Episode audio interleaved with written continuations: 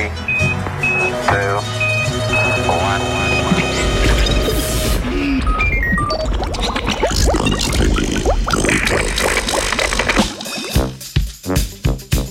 O njem pa se sprašujemo, kdo bo hranil snežnega leoparda.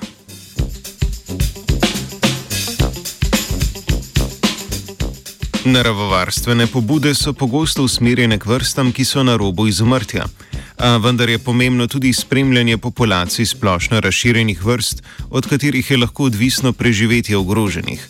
V nedavno objavljeni raziskavi so raziskovalke in raziskovalci predstavili rezultate o gostoti naseljenosti in izbiri habitatov himalajskih modrih ovc, drugače imenovanih tudi baral.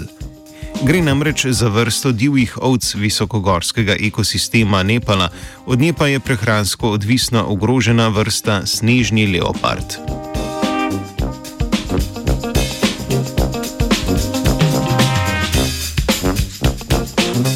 Himalajske modre ovce so splošno razširjena vrsta in so zaradi velikosti populacije opredeljene kot manj ogrožene. Predstavniki reda so do prstih kopitarjev, kamor spadajo tudi himalajske modre ovce, imajo v visokogorskih ekosistemih Himalaje pomembno ulogo pri raznašanju rastlinskih semen, poleg tega pa predstavljajo glavni vir prehrane predstavnikom velikih zveri, že omenjenim snežnim leopardom.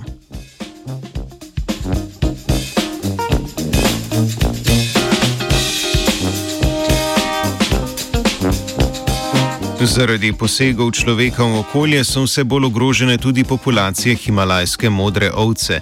Zato so spremljanje njihove populacijske dinamike, zaščita ključne populacije ter opis in zaščita za nje pomembnih habitatov odločilni. Vse to namreč prispeva k ohranjanju ravnovesja med naravovarstvom in dobrobitjo lokalnih prebivalcev.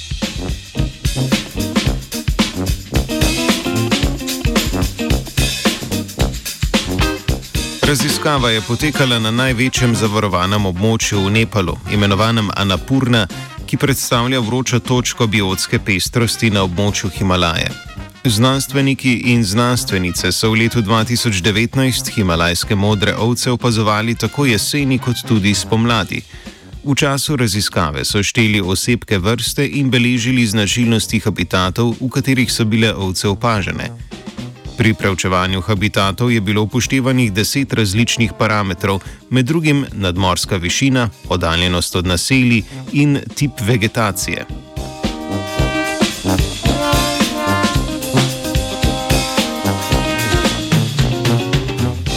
Rezultati raziskave so pokazali, da je gostota poseljenosti himalajskih modrih ovc 30 let po vzpostavitvi rezervata na tem območju še vedno velika prav tako pa pričajo o uspešnosti vzpostavljenih naravovarstvenih ukrepov. Izkazalo se je tudi, da je prisotnost himalajskih modrih ovc najbolj odvisna od nadmorske višine in tipa vegetacije.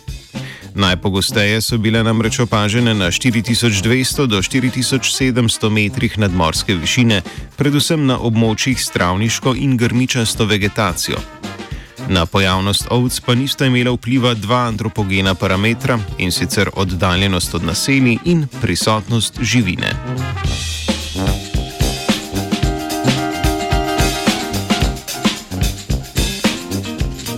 V prihodnosti bi populacijo himalajskih modrih ovc lahko ogrožala načrtovana cestna infrastruktura, ki je posledica povečane turistične dejavnosti na tem območju.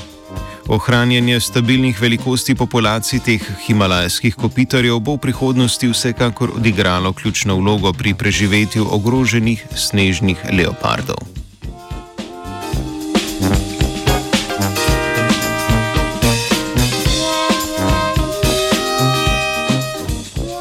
Vse dobro želi himalajskim ovcam Sebastian.